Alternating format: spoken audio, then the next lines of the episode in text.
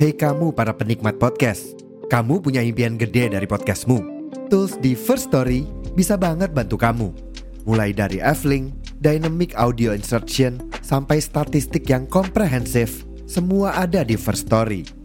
Gak ketinggalan, kamu bisa monetisasi podcastmu lewat iklan dari First Story Ads yang bisa kasih kamu penghasilan dari setiap place podcastmu. Yuk gabung sekarang dengan klik di firststory.me. Sekali lagi, di firststory.me. Mari kita bawa mimpi podcastingmu menjadi kenyataan.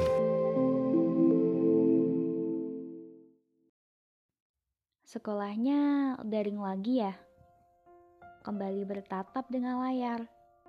Bukan yang nyata. Yang biasanya bangun pagi, semangat banget buat ke sekolah. Sekarang bangunnya molor.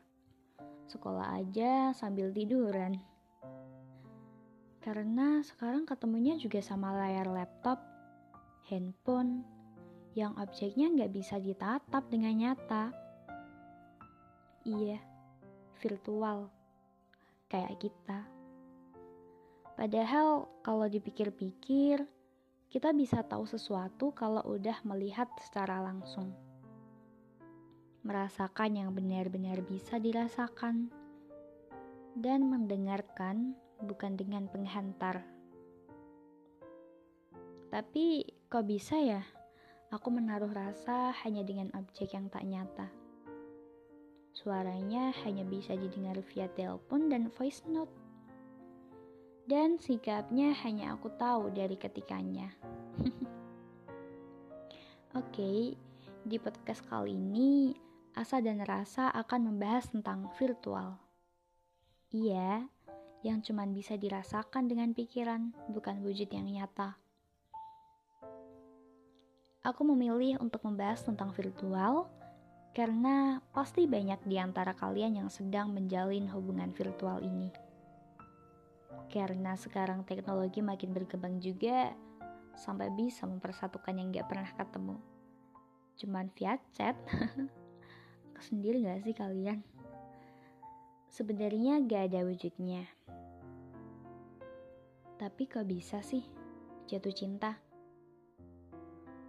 Karena pesannya yang manis, membuat aku ingin berkenalan lebih dalam tentang dia. Awalnya hanya sebatas iseng, buat main aplikasi yang kita bisa chattingan dengan berbagai orang yang gak kita kenal. Ya, awalnya cuma dari situ, berkenalan, saling menanyakan, namamu siapa, dari kota mana, umurmu berapa, boleh tukeran nomor gak? Dan akhirnya pindah ke obrolan yang lebih dalam. Sampai berujung dengan pesan, jangan lupa makan ya. Sebenarnya aku sendiri bingung. Kenapa hanya dengan pesan yang ku baca, suara yang ku dengar dari telepon tiap malam, dan foto yang bisa ku tatap dari layar, tanpa tahu apa yang sedang dia rasakan sebenarnya, aku bisa jatuh cinta. Aneh, aneh banget. Terkadang aku berpikir, aku ini sedang melakukan hal yang bodoh atau wajar sih? Bisa dibilang aku mencintaimu tapi tanpa tahu dirimu. Iya, karena kita nggak pernah ketemu. Terkadang aku juga berharap di lain waktu kita akan bertemu. Tapi sepertinya harapan itu terlalu tinggi untuk kita yang terlalu jauh. Tapi aku selalu berpikir, kita hanya sebatas raganya yang jauh, bukan rasanya kita tidak pernah melewatkan obrolan tiap harinya. Dari pagi aku membangunkanmu, hingga malam kita berbincang via telepon dan akhirnya tertidur. Seperti itu saja tiap hari. Bosen ya? Tapi gimana lagi? Namanya aja virtual. Aku juga ingin sekali kita bisa bertemu. Masa iya sih? Kita menjalin hubungan tanpa pernah bertemu sekalipun. Aku juga ingin merasakan quality time, keliling kota, makan di pinggir jalan bareng kamu, biar kayak yang lain. Kalau melulu cuman mantengin handphone, berarti aku sedang menjalin hubungan dengan handphone. Gak salah juga kan? Tapi keinginanku ini terlalu besar dan sulit untuk dikabulkan. Aku juga gak pernah tahu kamu sebenarnya di dunia nyata itu seperti apa. Kamu sedang melakukan suatu hal atau apa di sana? Aku juga gak tahu. Itu yang terkadang membuatku overthinking. Sebenarnya kamu benar-benar cuman sama aku atau enggak sih? Gimana aku bisa tahu?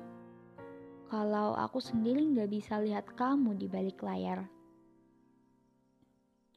Overthinkingku ini yang membuat kebahagiaan yang timbul dari pesan dan suaramu itu mulai pupus. Sikapmu yang awalnya perhatian, menanyakan, gimana hari ini? Happy gak? Ada masalah apa?